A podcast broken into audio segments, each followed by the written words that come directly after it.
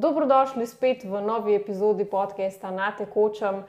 Uh, danes imamo v bistvu z nami spet uh, gosta, to je Jože Možina. Gospod Jože Možina, pozdravljen. Pozdravljen. Živijo. Živijo, hvala, da ste prišli v, v najno vdajo. Z veseljem, tako dobro družbo. um, torej, uh, za začetek, da mečkaj izvemo o vas, sicer vas najprej ljudje že poznajo ne, iz, uh, kot novinarja na RTV. Ampak drugače pa ste tudi zgodovinar, ste avtor uh, ogromno nekih dokumentarnih filmov, napisal ste knjigo uh, Slovenski razkol uh, in ste pač seveda tudi televizijski novinar. Ne? Zdaj pa če mogoče za začetek malo poveste, kako ste začeli uh, v bistvu svojo novinarsko kariero.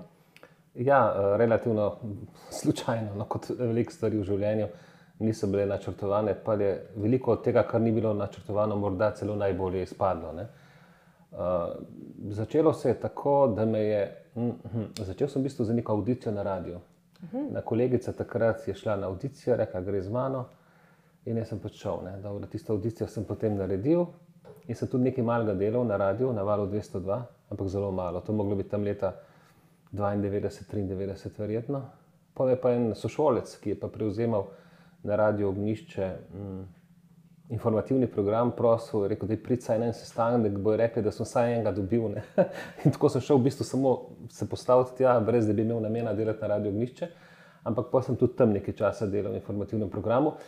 Uh, od vsega začetka, pa od leta 1993, pa naredili, sem naredil neko audicijo na televiziji Slovenija no, in začel leta 1993 tudi delati. To je bila taka audicija, ki jih je bilo prej in pole zelo malo. Vem, da nas je bilo več kot 200, potem v drugem krogu 64, zbrali so nas 8, od teh 8 sem ostal samo jaz. Ne vem zakaj, ne zato, ker bi bil najboljši, ampak vem, po spletu nekih okoliščin. Čudno je bilo to, da je večina sodelavcev zmeraj prihajala po vezah, ne pa po audicijah. Ne. Tako da sem jaz tukaj ena ena taka čudna izjema. No, uh, tisti prvi začetki na televiziji niso bili nečke obetavni.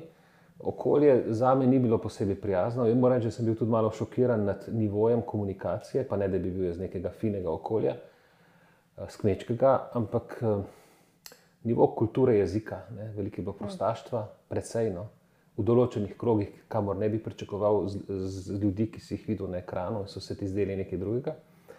Uh, me je presenetilo tudi pri nekaterih, no, ne na splošno, nizka, znan, uh, nizka raven znanja, poznavanja. Uh, recimo zgodovine, geografije. Tako, no, to je ena od teh plati. Uh, tako da tudi nisem imel na začetku kaj veliko priložnosti, da bi, se, da bi novinarsko delo, govorimo o čistih začetkih. Potem sem se pa prijavil leta 1996 za nek dokumentarni film, to se nobeno nekako ni ljubilo. Ni bilo tako priljubljeno, ker uh, je veliko dela s tem.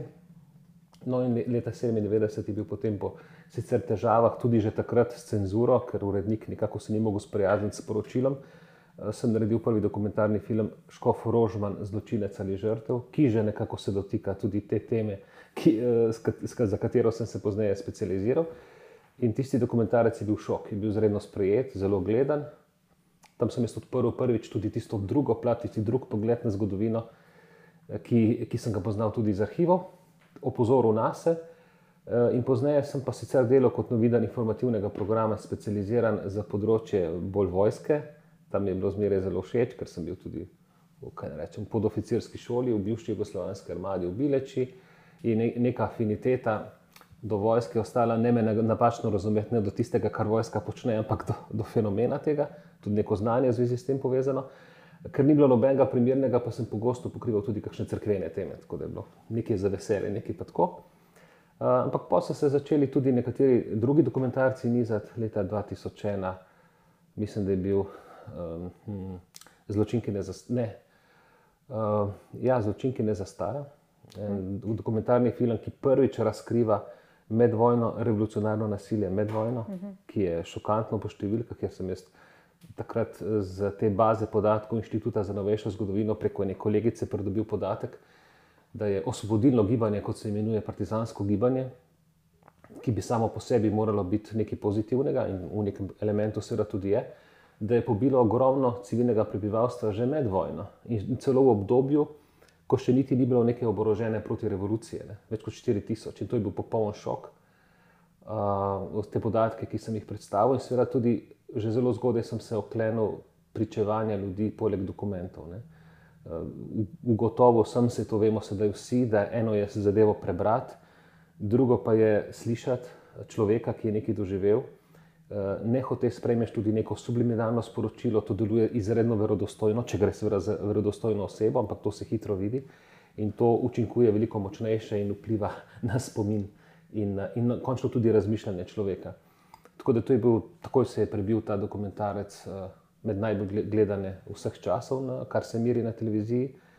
Še večji preboj je bil potem z dokumentarnim filmom Za molčanje moč preživetja, ki pa govori o povojnih pomorih, na primeru Slovenske Bistrice. To je bil zadnji večji pomor civilnega prebivalstva v Sloveniji, ki se je zgodil celo januarja 1946, spravi, praktično leto po vojni.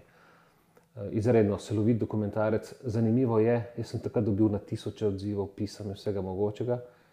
In praktično ni bilo primera, tudi z leve, pazite. Tudi to, kar je danes nekaj, nekaj neverjetnega, pa ne, ne, nepričakovanega, ogromno, ogromno z leve, v bistvu same pohvale. Dnevnik, delo, večer, dobro, tudi takrat tudi to niso bili tako skrajni listi. In tudi pisma, ljudi z levice, ljudi, ki so pripadali levi politični sferi. Zanimivo, kako smo se v bistvu že znali normalizirati takrat. In to je bil takrat najbolj gledan dokumentarni film, odkar so, jo, odkar so merili na televiziji Slovenija gledanosti.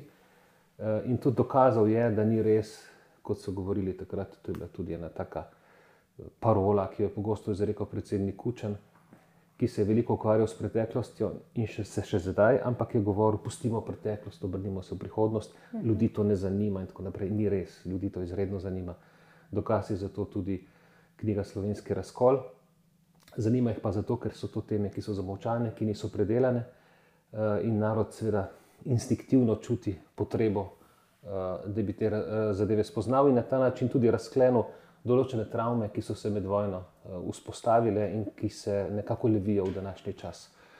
So bili pa še drugi filmi, Čas vojne, pa seveda Petro Opeka, dober prijatelj, pa kar niz filmov iz Afrike, iz Angole, iz Ruande, iz vzhodnega Konga. Imel sem eno, rečem, privilegij, no, da sem lahko šel v kraje, ki so bili prizadeti od vojne, ki so zelo zanimivi sami po sebi ki so popolnoma neturistični. In to je bil res en tak fenomen, ki mislim, da me je zelo obogatil in mi dal neko posebno izobrazbo. Ne. Zdaj, v tej zadnji dobi, bil sem res vmes tudi direktor televizije, lahko tudi kaj o tem povem. Uh -huh, ja, ja. Da, kakšno je bilo recimo, takrat vzdušje? Kakšni so bili časi? Dobro vzdušje je bilo, dobro vzdušje po teh desetletjih.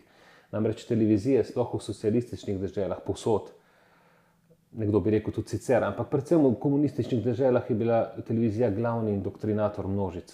Dejansko vsaka ta komunistična oblast je popolnoma obvladovala televizijo in radio. In tako je bilo tudi pri nas. In uh, to, da je prišel nek človek prvič, ki ni bil dejansko povezan z režimom, ampak, ampak morda celo človek, ki je, bil, ki je zrasel iz sredine, ki je bila proti režimu, namreč moj oče je bil politični zapornik uh, in tako naprej. Moji so se dejansko borili proti vse, vsem totalitarizmom in bili zaprti vseh treh. Ne. In to je bilo, to je bilo takrat nekaj posebnega, nekaj novega. Ne. Ne. Se spomnim enega sprejema, ko je prišel predsednik Clinton in je bil en ozek krok, zelo ozek krok, ki smo ga pač tam imeli priložnost srečati. Med njimi je bil seveda tudi Milan Kučan. Ne. Se spomnim tistega poskusa prizirljivega pogleda, ne včeš, kaj pa ta tukaj dela, ne se nas odi zraven. Meni se je sicer zdelo obratno. Ne.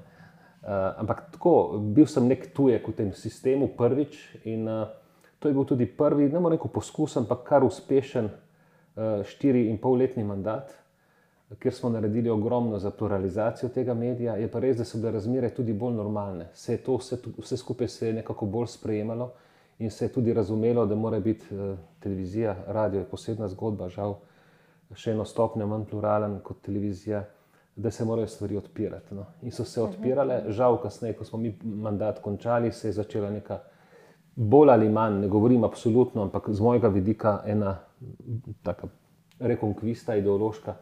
Tako da so, je, so se mnoge stvari zapirale, ampak vendarle smo še lahko delali tudi neke dokumentarne filme. In nekako so se stvari, pravzaprav polje se je začelo zapirati, ali pa se nakazuje, da se bo zapiralo šele v zadnjem obdobju. Vmes potem po direktorski funkciji sem takrat sem naredil film, Peter Opeka, dober prijatelj. Vem, da smo imeli ene meritve gledanosti, da je s ponovitvami imel več gledalcev kot Titanic, kaj je bil takrat najbolj gledan film wow. vseh časov. Ja, to je bil en fenomen. Tudi smo imeli potem velike humanitarne dogodke, ki smo jih organizirali, predvsem s kolegom, dr. Mitjo Študarjem, in nabrali več kot milijon evrov v tistih časih. Ne. To wow. napolni uh, Halo Tivoli ne.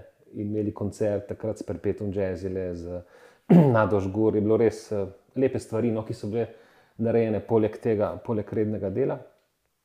Potem sem pa tudi snemal intervjuje, kar še, zmer, še zmeraj počnem, na veselje in žalost nekaterih, eh, in seveda pričevalce. Ne. Pričevalce, ki so nekako ogrožena oddaja že od, odkar smo jih začeli delati, leta 2014, tako je bila protest Zveze borcev in tako naprej.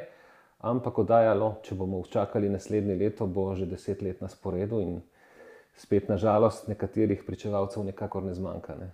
Vaši dokumentarci, o katerih ste govorili, so bili tudi nagrajeni, tudi z mednarodnimi nagradami. Ja. Um, in ti pričevalci, ki imate tudi to nas tako lepo majico, delate reklamo za to, da je očitno. Vedno, vedno. Se je prav, no. ker to, to bi, se mi zdi, da bi to mogli vsi pogledati. Ravno zadnjič sem gledala gospod Marijo Rep, uh -huh. uh, ki ste jo imeli in imela res gospod tako močno zgodbo, kako so bili oni premožni, uspešni, potem so jih pa partizani uničili do konca. Ne. Ja, veliko je takih zgodb. Ja. Vidiš, kakšne vrednote smo pravzaprav, kake, kakšne vrednote so bile napadene eh, ne samo z fašizmom na primorskem in nacizmom v srednji Sloveniji, ampak tudi s komunizmom, ki je trajal, eh, nekateri bi rekli, celo do današnjih dni. Jaz se spomnim, ko sem bila majhna in smo po mojih starih starših gledali to vašo oddajo, pričevalci. Um, in me zanima, v bistvu, kaj vas je, odkje ta strast do zgodovine, kdaj se je to pojavljalo? To je iz moje primarne družine oče je tudi človek.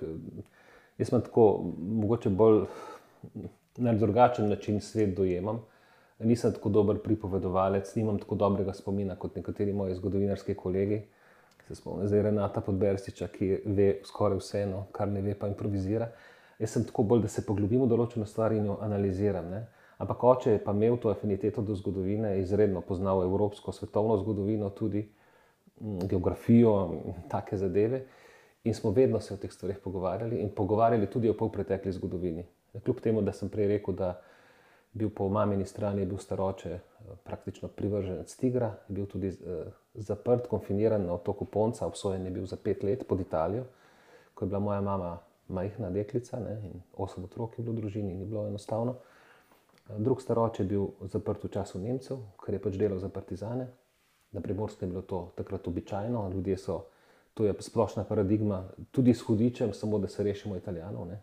Nažalost je hudič zamenil drugega, samo barve so bile različne in so ga zaprli Nemci, se je komi rešil. Medtem ko oče pa tudi preveč, preveč dobesedno imel povojno svobodo, no, če se malo pohecam, pa sploh ni hec, na nekem sestanku napadel to, ta pritisk na kmeta in to, to industrializacijo in izkoriščanje in so ga seveda tudi njega zaprli. Ne. Ampak mislim, da od vseh treh je dejansko on doživel največ okrutnosti in mučanja ljudi in ga je tudi to zaznamovalo za celo življenje. In za razliko od nekaterih družin, kjer se o tem niso pogovarjali, pa jih ne obsojam, ljudje imajo vsak, svojo, vsak svojo dinamiko, se pa pri nas odkrito o tem govorilo. Tako da tudi strah, ali pa strah, nelagodje do, do teh tem meni ni bilo vsaj eno vzibelko, ampak ravno obratno, neko zanimanje. Poleg tega smo imeli tudi v naši družini že v 70-ih letih knjige, ki so izhajale v zamejstvu in izseljenstvu. Eh, ki so bile eh, sicer rekel, ideološke, ampak pristranske, ne, v drugo smer, protikomunistično. Ampak eh, tam sem kot 14-leten fant bral stvari, ki so, mi, ki so bile seveda popolnoma drugačne, kot smo se učili v šoli. Ampak jaz sem bil tega že vajen, ni me to presenetilo. Ampak resnica ene, pa druge strani je bila tako v taki diskrepanci, da se mi je zdelo tako, zmeraj se mi je zdelo prav, da imamo predstaviti v bistvu vse platine, da imamo nekako videti, kako kako je v resnici bilo. In kako je v resnici bilo, Evo, to je ena tako vodilo, ki ga mogoče uh, v življenju imam. In, uh, lejte, potem, so se pa stvari nekako zlagale brez kakšnega velikega načrta. Rekli ste, kako je prišlo do pričevalcev. Ne? Ko sem snemal dokumentarne filme, sem srečeval izredno zanimive ljudmi, ljudi z zelo bogatimi življenjskimi usodami. Ne? Naša življenja, vključno z mojim, so izredno dolgočasna, na sreči, v primerjavi s tem, kaj so ti ljudje doživljali. In se mi je zelo škoda, posne, jaz sem posnel zmeraj več, kako da to ne objavimo, da vzamemo, vzamemo za dokumentarne filme samo izseke. Uh, in potem nekako v nekih debatah je prišlo do tega, do te možnosti, da bi pa morda ne z neko veliko ambicijo poskušali celo življenjsko zgodbo človeka posneti in objaviti brez nekih razen najnujnejših rezov. Mm. In da bi bil to, ne, ambicija ni bila toliko, da je to neka zelo aktualna oddaja, ampak je to, to nek zgodovinski vir in zgodovinski zapis za današnji čas. Žal, televizija tega prej ni počela, škoda, ker ni. Recimo, tle so bili za ta oral history, kot se reče, ne govorno zgodovino, so bili Britanci dovolj pametni, da so posneli že generacijo, ki je bila v prvi svetovni vojni, pa da se to ni zgodilo. Snemali so partizane, ampak tiste stvari so tako, kaj ne rečem, tako ideološke, tako prazne, da ni prišlo do izraza, kaj so ljudje v resnici doživljali, ker nas bi zanimale tudi zgodbe partizanov. Jaz sem snimal tudi partizane, v prečevalcih ni tabujev, da so samo eni, samo drugi, samo tretji, ampak imajo možnost vsi, res pa je, da je vodilo resnico ljubnost. No, uh, potem je prišlo do tega formata oddaje, no, ki, je, ki se je zelo prijel, ampak uh, ki ima mogoče bolj kot vrednost, sedaj trenutek pridobiva na vrednosti, ko teh ljudi ni več in ko bo to postal del nekega nacionalnega arhiva in nacionalnega spomina. Ker zgodovinske knjige so seveda pomembne in dokumenti so zelo pomembni, ampak sam razmišljam, da, da si človek morda najbolje ustvari občutek v tistih časih, ko neposredno poslušaš človeka, ki je stvari doživel, ker je ta pač komunikacija, ne, ki, jo, ki jo kamera omogoča in glas, uh, veliko bolj prepričljiva. No, Zdaj pa, ne, ker ste se vi odločili nekako obelodaniti stvari v naši zgodovini, v katerih se pač ne govori toliko, kot bi se moralo. Uh, ste bili tudi deležni veliko pritiskov, oziroma ste še vedno. Ne? So cenzurirali nek vaš prispevek o 27. aprilu 1941 na RTV, ki bi mogel biti objavljen v dnevniku, pa je bil potem o petih rajši objavljen. Potem večkrat ste bili napadeni zaradi gostov, ki ste jih imeli v oddaji intervju. Uh, zaradi tega, ker ste imeli uh, za gosta Borisa Tomašiča, so vas celo prijavili na AKOS, če sem pravilno zasledila. Ja, ja, čeprav ne bi mi živeli v neki pluralni družbi. Kako, kako se odzivate na take stvari, kako to vzdržite v bistvu? Pa še eno vprašanje bi jaz dopolnila. Vi ste tudi izjavili, um, da je v bistvu Tita označili za diktatorja 20. stoletja in ga postavili pod, recimo, Stalina in Hitlerja. In tudi za to izjavo so vas um, napadli. Kako to komentirate? To je zgodovinsko dejstvo, to je samo umevno, ko da rečem, da danes je sonce, gledalci ne vidijo, ampak je lep sončen dan zunaj. To je pač zgodovinsko dejstvo. Tito je vojni zločinec, je pač ob boku. Od Stalina se začne in še prej malo Cetunga, Hitlerja, Mussolinija in pač tudi Tito je nekje kar v zgornji deseterici. to je zgodovinsko dejstvo. Ja, gledajte, kako se te napade uh, doživlja. To seveda ni prijetno in nikakor ni nekaj, kar bi si človek želel. Uh, ampak eh, neko temeljno vodilo pa, pa veliko pripomore k temu, da, da te to ne prizadene, da nisi naredil nič narobe. Ja, In tudi eno vodilo, da ha, včasih, ko je, ko, se, ko je resnica ogrožena, takrat je tudi najbolj napadena. Ne? In, mhm. seveda ta, ta resnica, ki je povezana z zgodovinskimi dejstvi z drugo svetovno vojno. Uh, očitno še kako zadeva sedanjost, ne, ker eh, je določen režim, ki je bil zgrajen na tem, na povojnih pomorih, na razlastitvah, oziroma kraj premoženja, na izgonu deset tisočev slovencev, lahko bi rekli tudi najbolj perspektivnih med njimi, uh, seveda temelji na zločinu. Uh, zdaj pa v bistvu, če se še ostanemo pri tej temi. Uh, o napadih. Ne, eh, ne dolgo nazaj eh, ste gostili v oddaji intervju gospoda Ivana Sivca, ne, uh mhm. -huh. ki je med drugim povedal, da eh, kako so včasih gospodu Kučanu naprej pripravljali vprašanja, ko je pač prišel v studio. Ne. In kmalo zatem so vas na RTV-ju v službenem času obis, sta vas obiskala dva policista.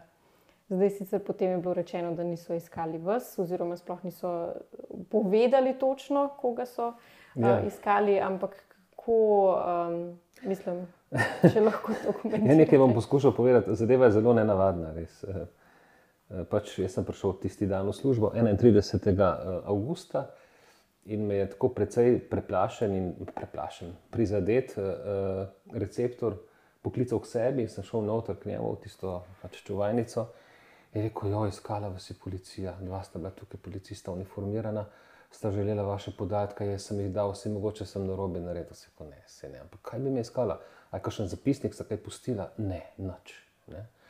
In pa sem tem se ne še istega dne, um, to je nenavadno, ne, da bi mm. policija, mislim, zdaj v tej dobi, ne. Ja. No, in potem sem jaz napisal en, na policijo eno vprašanje, dve vprašanji, a tri. Prvič, uh, da zakaj so me iskali, da želim vedeti, in uh, seveda tudi, da ne mi naštejejo primere, ko so v zadnjih 20 letih na tak način obiskali uh, uh, kogarkoli, ne, spravi novinarja, urednika, zaradi njegovega dela. Ker če bi jaz ne vem, vozil vinjen ne, in bi me obiskali zaradi tega, bi še nekako, mislim, tudi to je čudno, ne, bi me obiskali doma. Ampak uh, ker so me iskali zaradi intervjuja, tako je bilo rečeno. Zaradi mojega dela je res to nenavadno. Ne? Seveda, ja. odgovora nisem jaz dobil, 12, 12. dan sem šele dobil odgovore. Medtem ko so, je, so, so z policije uh, Uh, jaz sem pa to objavil na Twitterju in se, se je izkazalo vedno znova, da je to družbeno mreže zelo primerno. Uh, in so me potem policija, namesto da bi mi odgovorila, mi je ena vem, predstavnica za stike z javnostmi celo obtožila, da jaz pritiskam na njih. Spravi, uh mhm. -huh. Jaz, posameznik, novinar, urednik, pritiskam na represivni organ samostojne slovenske države. Pa se je dejansko usulo in se ljudje malo, mislim, so, so malo dali vetra. Pokazalo, pokazalo se je tudi nekaj, da v pravem trenutku ena taka objava zelo pripomore. Eh, sej mislim, da je, vem, če ni blizu 150 tisoč ljudi to prebralo, kar je več kot dnevni kino dnevi skupaj, pa še kakšen dnevnik ne zraven, kar pomeni, kakšna je moč, kakšno moč ima lahko tudi posameznik. Eh, ne sicer, da napada, ampak da se brani. No. Tako da družbena omrežja niso, niso kar tako, čeprav je tudi veliko slabega. No, potem, eh, seveda, so, so se razpredle te zgodbe, da je to povezano z prav tem intervjujem, ki ste ga vi omenili, z gospodom Ivanom Sivcem, ki je bil moj radijski kolega leta in leta in ki je ja povedal, ne, kako je zmeraj, preden je prišel predsednik, kar je že bil takrat, ne vem, šef CK. Takrat mislim, da je že predsednik Kučan eh, v, v studiu ob 17. je bila frka. Kot je rekel po radiju, pa so tam iskali vprašanja, pa vsak je lahko kakšno vprašanje dal, ne? potem se je to odneslo, ne? slavnostno, na ne, v njegov urad, in potem je on prišel nekako z vprašanji in odgovori. Ne? Tako zelo posrečeno je rekel gospod Civec, da to je bila radijska igra. Lejte, no, um, tako so ljudje domnevali in to sem jaz tudi pač rekel. Jaz tega ne vem, če je tako bilo, ampak uh, domnevali so. Moram reči, da sem tudi z enim nekdaj zelo visoko postavljenim uh, politikom uh, z leve strani, ki je bil celo predsednik ene od vodilnih levih strank. Govoril in je rekel, ja, je rekel, domnevam, kar da je, ne bom neko izraza. Ne, uh, ampak recimo nekdani predsednik, da, da je bil dovolj, dovolj nervozen zaradi tega, pa, je, uh -huh. pa so morali nekaj narediti, ampak so vse jim je ponesrečilo, vse skupaj. Uh, predsednik Kučan je kasneje obtožil, obtožil, da uh, nekdani predsednik, ne vem, da lažem, ne, kako da je to moj domet, tako malo omaležujoče do mene uh -huh. in da kaj razlagam, da, da to ni res. Oziroma, tako, za to izjavo Ivana Sivca je rekel, da je neverodostojna. Pa sem pa jaz, gospoda Sivca, poklical se nekje na morju, bil sem rekel, ste vi, ki vzamete nazaj to izjavo. Ne, rekel, seveda ne, še hujše je bilo, zmeraj pa tako. In potem, da še povem svojo zgodbo, ne, kar se teh vprašanj tiče. Ne. Jaz sem dvakrat snimal za dokumentarni film Slobodan Miloševič, pa Domovina in država. Tudi ta, sem pozabil, da o Slobodanu Miloševiču je bil zelo uspešen film. Uh, in obakrat sem imel tudi za gosta enega od govorcev uh, takratnega predsednika Kučana. Ko bi ga moral posnet, to je bilo leta 98, ekipe ni bilo zjutraj več. Je šel kar, uh, kot se je pozneje izkazalo, kar urednik Vlado Krejač, ki je bil o mrtvih vse dobro, bil je moj urednik, uh, bil je seveda ideološko popolnoma na levi in tako naprej. Ampak kot smo se v bistvu dobro razumeli. In pa, ko pride nazaj, je zaigral in rekel, kaj sem jaz moral, kaj je, kaj je meni to v glavnem. Oni niso prenesli, da pride nekdo tja, en nad novinar, ki bi mogoče postavil še kakšno dodatno vprašanje, ker vprašanje so morale biti postavljene vnaprej. Ampak v redu, za dokumentarni film to ni bil intervju. Okay. Zdaj, niso, ni prenesel nekdani predsednik, da bi nekdo prišel do njega, ki bi ga lahko mogoče še kaj drugega vprašal. Drugi primer je bil film Domovina in država, morda dve leti kasneje. Tudi takrat so bila vprašanja naprej.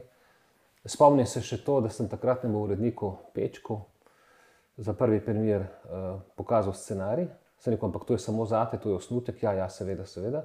Istega dne, popoldan, ko sem jaz to njemu dal, mojemu uredniku, ne, me je poklical Janko Pleterski.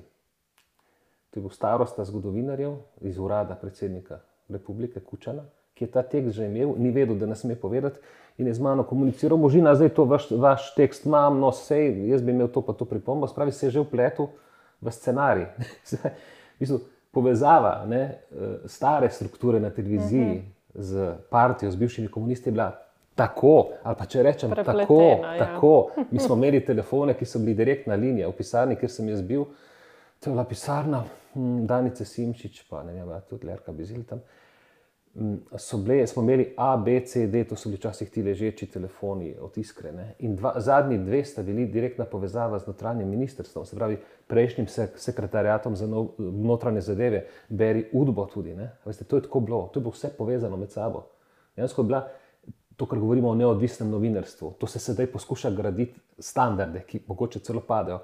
Takrat neodvisnega novinarstva ne da ni bilo. Novinar je bil družbeno-politični delavec, kar je še enkrat eh, predsednik Kučan neki izjavi rekel, in je bil eh, del ideološkega aparata države. S tem, da so avtonomni posamezniki tudi takrat taki, ki so, mislim, da pošteno delali, delali tudi dobro, ampak znotraj tega pokrova, drugače se ni dalo, drugače noter nisi mogel biti. In vse vodilna struktura je bila zmeraj v partiji. Zdaj sem malo zašel, ampak tako je televizija takrat funkcionirala. In zdaj tukaj, kasneje, ne, po 12 dneh, eh, policija odgovori tudi meni, tako, no, tako čudna zadeva, da nisem jaz tisti, ki bi me preiskovali. Zakaj niste to povedali takoj? Ne? Tudi to, da je odgovorna vrednica Jadranka Rebrnik, ni res, da so njo iskali, ker do nje nihče ni prišel. Ne? V tej dobi, ko je tako enostavno, niti policija, niti, niti niso pisali.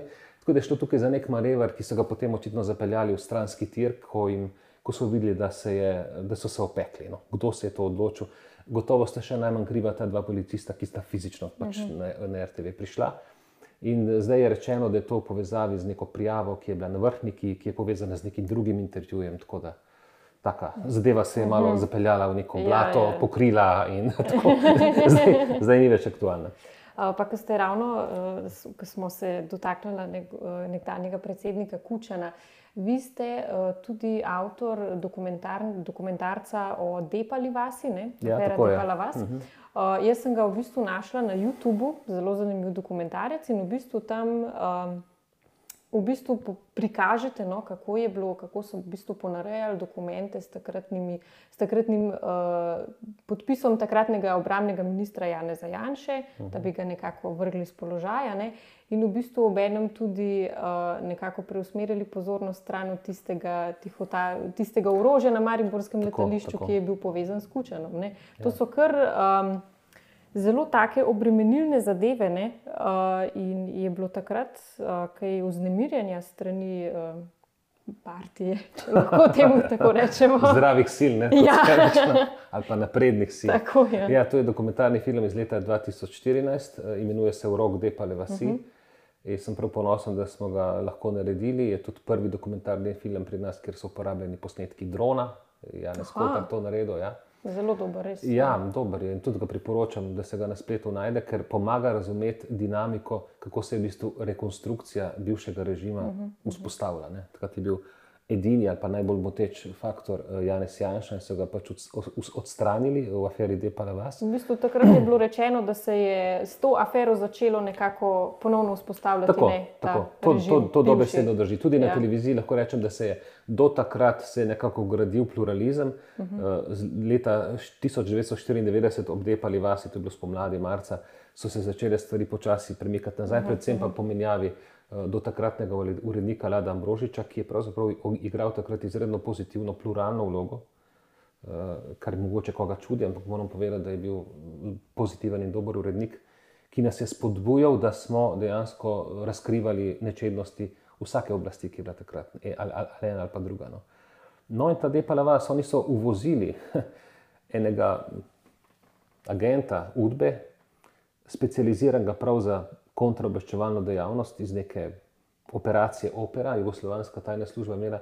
To so v bistvu bili specialni agenti, provokatori, ki so, naprimer, ne, da bi prikazali, da je Hrvaška država, da se obuja pronacizem, ustaštvo in tako naprej.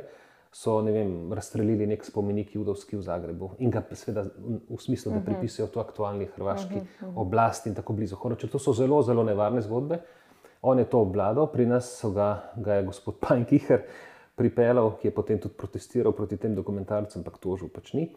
So ga pripeljali sem, da naredi načrt za zrušiti Jana Zajanša. In ta človek je to naredil in naredil je tako, da bom samo en segment povedal. Ne? Treba je v bistvu narediti spor med uh, novinarskimi hišami, vodilnimi novinarji in uredniki, ter Jana Zajanša. In sicer kako mi mora priti na uho, da Janša dela. Uh, dosjeje vseh teh ljudi, da jih poskuša kompromitirati in tako. Mhm. In na ta način se je dejansko začela ta, rekel, mogoče se je tukaj začela ta medijska vojna proti Janezu Janši, ki traja še vedno. Ta človek je ta, ta načrt naredil in zanimivo. Pozneje tisto, kar smo obljubljali, tam so ga imeli v Mostu, v enem stanovanju, niso vsega izvršili in je potem moral zapustiti Slovenijo in je šel nazaj na, na Hrvaško ali v Bosno. Jaz sem ga poskušal dobiti, ampak ni mogoče. Ampak to človek, ko ga je dobila v roke Hrvaška obveščevalna služba, ne, sredi 90-ih let, uh, je vse to popisal na 70-ih straneh in objavil, kaj je on naredil, kaj je on svetoval takrat, tak, takrat uh, tej slovenski, kaj rečem, paraudbi. In to se vidi, da so dejansko to oni tudi poskušali narediti. No. In to je afera Depala vas ki pa je v nekem smislu pomenila rekonkvisto um, ali um, ponovno vzpostavitev pozicije komunizma tudi po tej formalni plati. Po drugi strani je pa tudi Jana Zajanša izstrelila, uh, to sveta ni bil namen, uh, v slovenski politični vrh. Ne, Pa je v bistvu takrat uh, bilo kaj, uh, mislim, kakšne kritike, glede na ta dokumentarec, ki se je gospod Kučan kaj oglasil? E, gospod Kučan se nikoli ne oglasi. Morate vedeti, da so drugi načini, ne, ko ti e, ja. stvari povedo, da, da niso v redu. Mene očitno ne, vem, ne mara, pa ne vem zakaj. Jaz sem ga dvakrat povabil v intervju, razmišljam, da bi ga še enkrat, ne vem, brez upa zmage. In ta intervju, ki bi ga z njim opravil, uh, mislim, to je lahko prepričan, pa mislim, da to tudi ve bi bil spodoben intervju, bi se ne prijazno, prijazno, spodobno pogovarjal kot z vsakim drugim, absolutno. Res pa je, da bi mu nekatera vprašanja zastavil, mogoče tudi dvakrat, če ne bi bilo odgovora, ampak nič posebnega. Vse zelo uglajeno, spoštljivo do nekdanjega predsednika, ki je bil tako ali drugače na volitvah, kakršne koli so bile, izvoljen dvakrat ali trikrat za predsednika Republike Slovenije, predsednika predsedstva prvič. Ne? In ne vem, zakaj se ne odzove. Sedaj, ko ko je gospod eh, Sivec razkril, da vprašanja naprej in tako naprej, mogoče zaradi tega ne. Ampak res vprašanje naprej mu pa ne morem. No, moram, tega mu ne moremo omogočiti. Glede, jaz sem tukaj vaše, bi si drzala reči, najbolj znano delo, to je slovenski razkol. To je sad 20-letnega raziskovanja. Ja. Um, in zelo obsežna knjiga, um, res uh, vso spoštovanje, da ste tole napisali. No. Bi pa imela vprašanje glede tega, Po vašem mnenju je slovenski narod razklan? Seveda, to je tako sporna tema, težko, težko se o tem sploh mirno pogovarjati, dve strani skupaj. Um, pa me zanima, je po vašem, kdaj vidite vi spravo? Kdaj, če, če jo sploh vidite, slovenskega naroda, je to sploh mogoče, je to sploh na vidiku? Lete si bom sposoben citat tega gospoda, s katerim sem govoril mogoče uro nazaj. To je pričevalec Franci Mulec, ki bo nocoj na sporedu, in on, njemu so očeta, ki je bil privrženec osvobodilne fronte, umorili kar nekaj let po vojni, zato ker je bil preveč resnico ljuben in seveda se ni strinjal z povojnimi pomori. In on je celo življenje posvetil, kar tako bom rekel, iskanju, da je razkrival vzroke in okoliščine smrti tega, tega njegovega očeta. In grozljiva zgodba je o tem, da, da je prišel do storilcev, ki so bili v njegovi neposrednji bližini. To je res neka posebna zgodba. Veste, kaj je on rekel? Ja, jaz sem se spravil, ampak ne moreš se spraviti, dokler ne ugotoviš resnice. Sprava v pravem kontekstu pomeni, da tisti, ki je povzročil gorje, da se opraviči in popravi krivico, in mm. potem, seveda, uh, potem je na, na strani tega šipkejšega oziroma prizadetega, da sprejme, da to sprejme in odpusti. Pri nas režimski ljudje, ki so vem, živeli na račun zločinov in na račun teh privilegijev, praviloma, razen mogoče dveh, treh izjem, se niso nikoli opravičili. Uh, Zveza borcev se mogoče nekaj je, ampak očitno s figo v žepu nikoli ni pomagala raziskovati okoliščin povojnih pomorov, ki bi svojce pripeljal recimo do žrtev, da bi jih lažje pokopali. Tako da tako, v takem stanju, kot smo sedaj, je sprava mogoča na način, da se ugotovi resnico in takrat se lahko tudi doseže spravo, tako mi je rekel gospod Mulec. In to absolutno drži. Ne moreš ti eh, odpustiti kar tako, niti ne veš komu, niti ne veš, kaj se je zgodilo. Dajmo ugotoviti resnico, to je človeška vrlina, resnica absolutno. in potem lahko tudi odpustiš v nekem objektivnem smislu režimu, ki je to storil, kljub temu, da se ta režim te, te, uh, ni opravičil. Veste, kaj je pa nekaj? Ne? Se je to nekako življenje v spravi, spravljen sam s sabo. Uh, to niti ni, ne da bi bilo to sebično dejanje, ampak je nujno dejanje, da ne živiš v sovraštvu. In jaz sem tudi ugotovil, ko sem snemal prva pričevanja v Argentini, da mogoče razen enega gospoda, od 20, ki so bili posneti, nihče ni v nos, nosu v sebi sovraštva. To pa omogoča predvsem katoliška vzgoja, ne, da so ljudje nekako odpustili in se tem, se tem tudi razbremenili.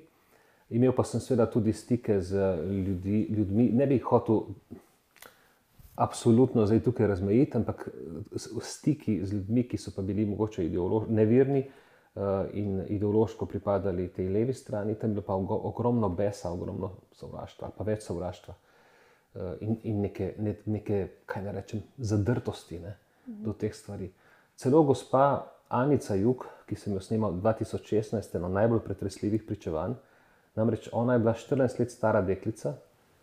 In 26. julija 1942 so jih partizani iz še zdaj nepojasnenih razlogov vodili na morišče, celo družino. Eh, pobili vse, no, zdaj da je malo skrajšan. Oče, ko je oče padel, Eh, proti njej je ona zamahnila z roko in jo so obstrelili in je preživela. Ne?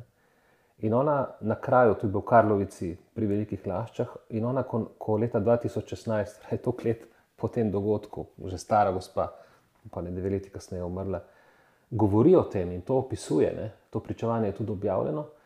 Eh, v njej ni, ni sovraštva, zanimivo. In reka, se se mora spraviti, kaj pač hočeš drugega. In potem govori njen sin, ker ona je živela v Angliji govori v angleščini, ne, dejansko, da je mama zgled, kar se tega tiče. Tudi. Ne pozabiti, absolutno ne, ker pozabiti pomeni, da lahko ponavljaš to, ne, oziroma da se te stvari lahko ponavljajo, ampak eh, hkrati pa tudi nekako se razbremeniti tega besa, ki ga človek mm. po taki tragediji lahko nosi v sebi. In glede na to, kako se slovenski vidni obrazi v tej, v tej vladi obnašajo, torej Asta Vrečko na Čebina, ja. Urška Klakočar za Pančična Orla, Jankovič zdaj ne dovoli uh, pokopa nekaterih žrtev. Se vam zdi, da bo to pripeljalo do sprave?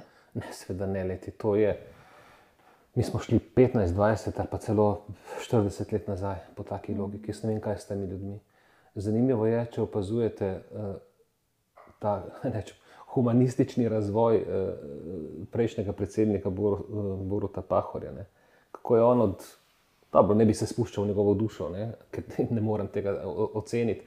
Ampak ko je on dosegel nek, nek kvalitetni razvoj, nek, nek, nek eh, nivo razumevanja so človeka in ga tudi začel dejanjati. Jaz sem član komisije za eh, prikrita grobišča, vladne komisije, kjer se je veliko, veliko naredilo s hudo jamo in še drugimi stvarmi, sedaj smo cestno v Gorico.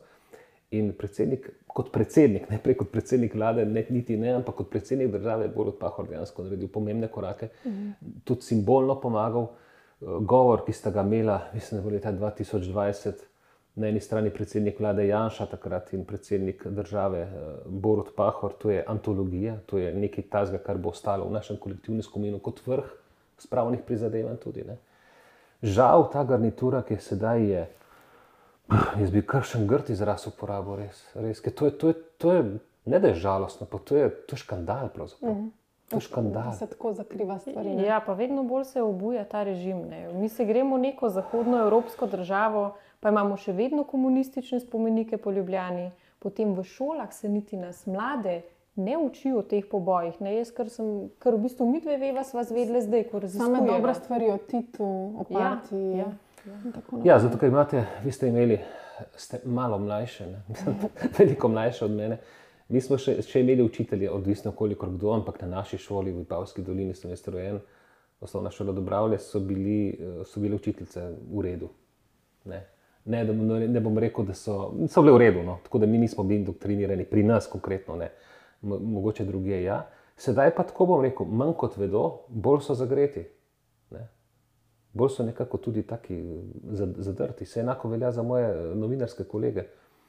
Eh, ti prej, ki sem omenil gospoda Krejača, ki je bil moj urednik, pa so bili tudi drugi, eh, gospod Komparič in tako naprej. To so bili ljudje iz bivšega režima, ampak so imeli v sebi neko In če si jih opozoril, pa takrat so se po, odkrivali stvari, vem, pri Jami, uh, tezno se je odkrilo in druga grobišča. In jim ni bilo najbolj všeč, ampak če si z njimi govoril, si rekel, vla, vlado, ne.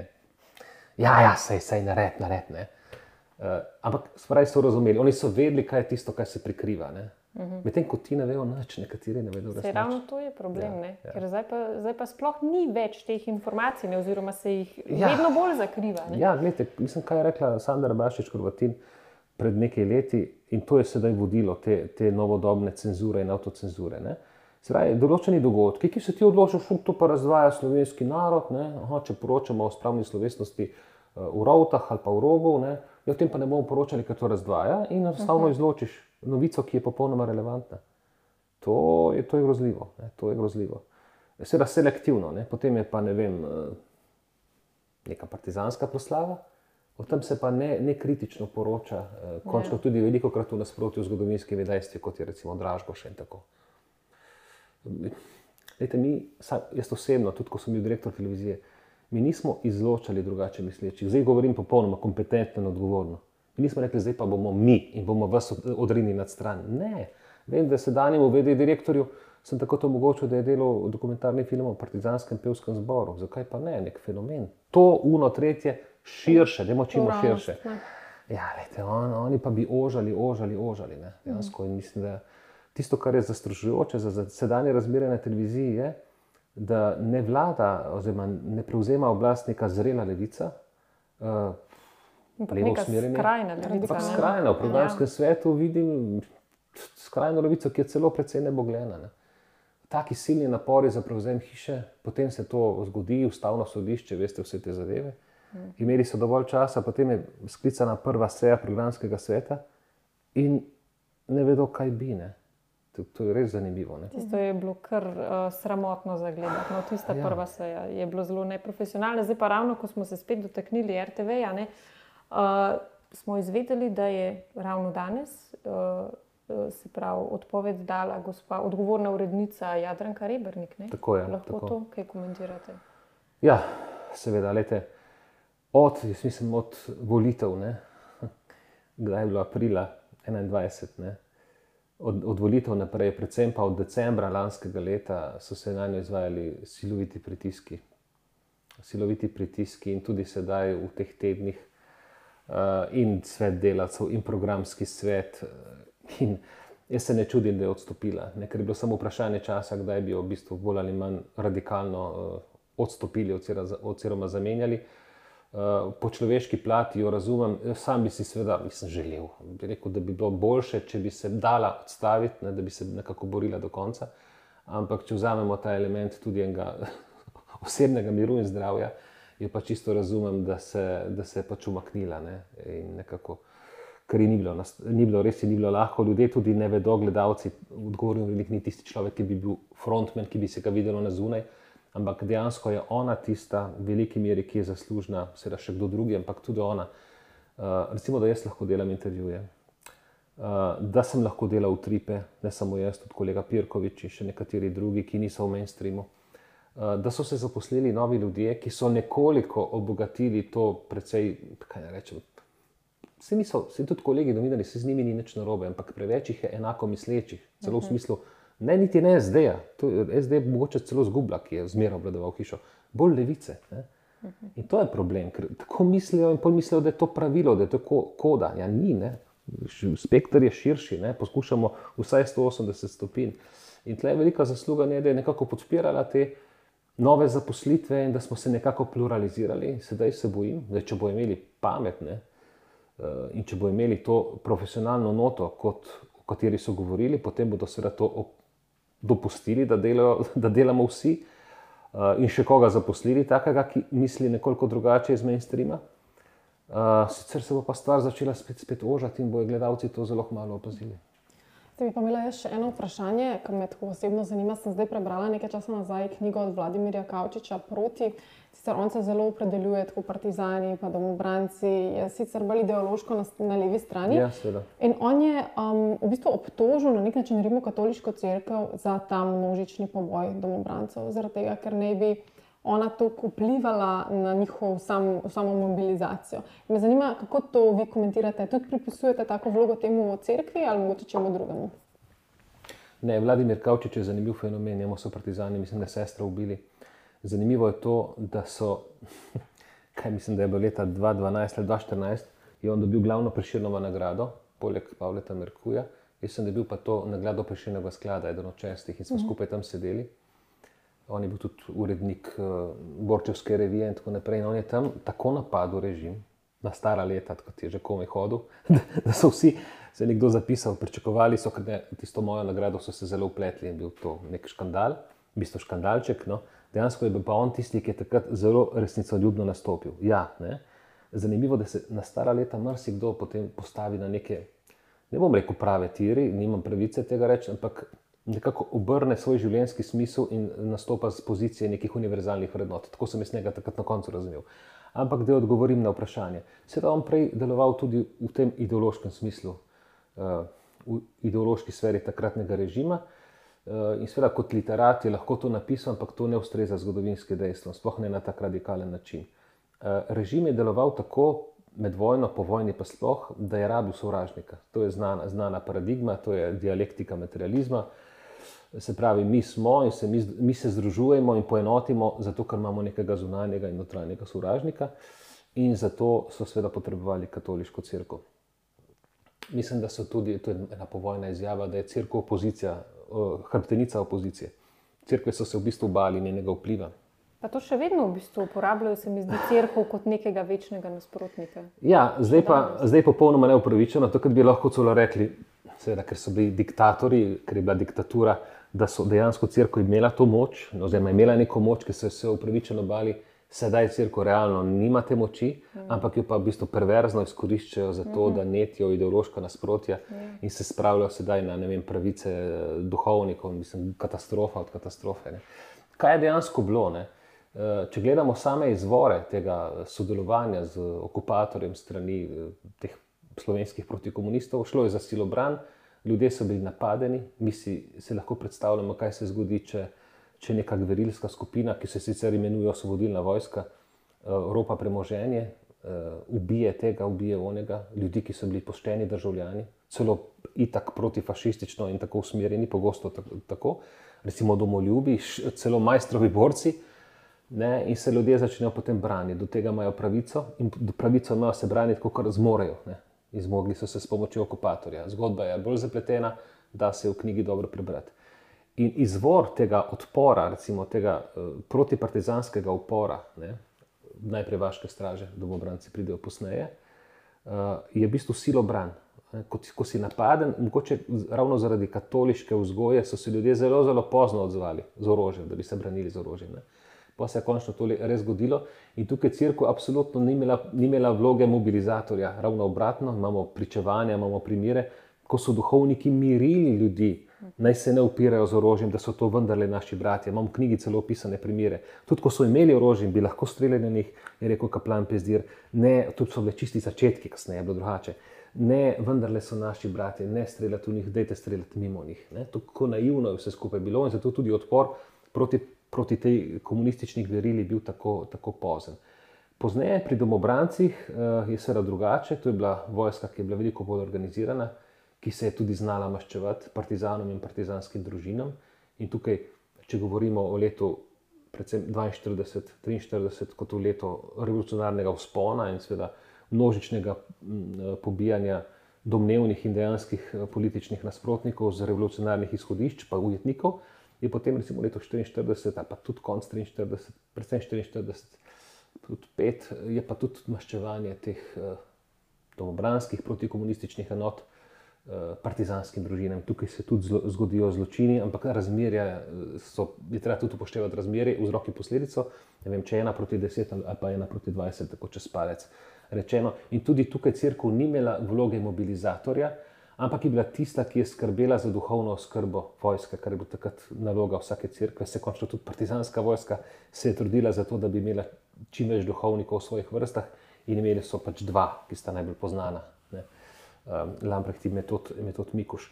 ni bila ta, tudi Škof Rožman je bil zelo duhoven človek in slab politik, se je končno tudi zakaj bi politik bil.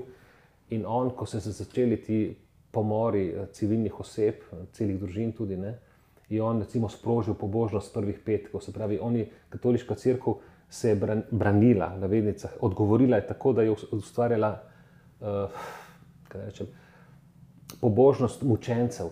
Ne ne pa da bi ona gradila oborožen upor, sploh pa ne. Seveda so bili pa katoličani tisti, med tistimi, ki so bili napadeni, normalno tudi taki, ki so se branili in branili tudi z orožjem.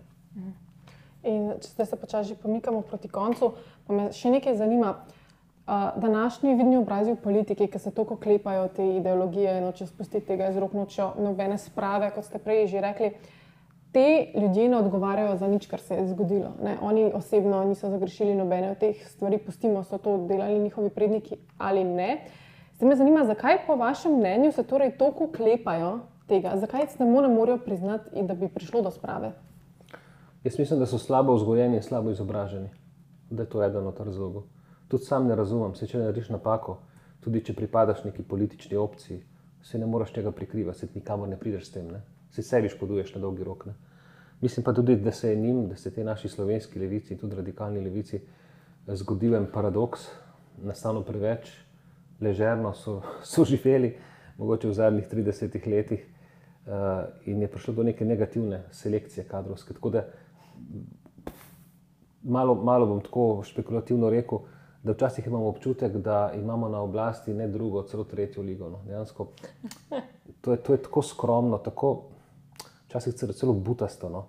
In je škoda, da je temu tako. Ne? Mislim, tudi, pa ne, da bi hotel koga žaliti. Ministrica za kulturo, čisto simpatična gospa. Sem to, kar govori, kako funkcionira. Mislim, to je pa res, to je, to je prav zgodovina, kar se tiče zdrave pameti. No? Mhm. Um, gospod Možina, jaz bi vam še v najnem imenu rekla vse spoštovanje za vaše delo, ste, ja. za, ta, za tole knjigo, ki je res noro, no, da vam je kaj tasga uspelo um, spisati. Pa, Uh, upam, da vam je ostalo še kaj energije, za, um, da boste še nadaljevali to, kar počnete, ker res spremenjate marsikaj. Um, tako da najlepša hvala, da ste se udeležili um, v najnem podkastu. Res nam zelo veliko pomeni, da ste se v času prišli. Um, za vas, gledalci, bi vas pa samo spomnila, da naj jo pofollowate na socialnih omrežjih, da se naročite na najen kanal, pa upam, da uživate v teh epizodah, ki jih prirejava z gosti. Pa hvala za ogled.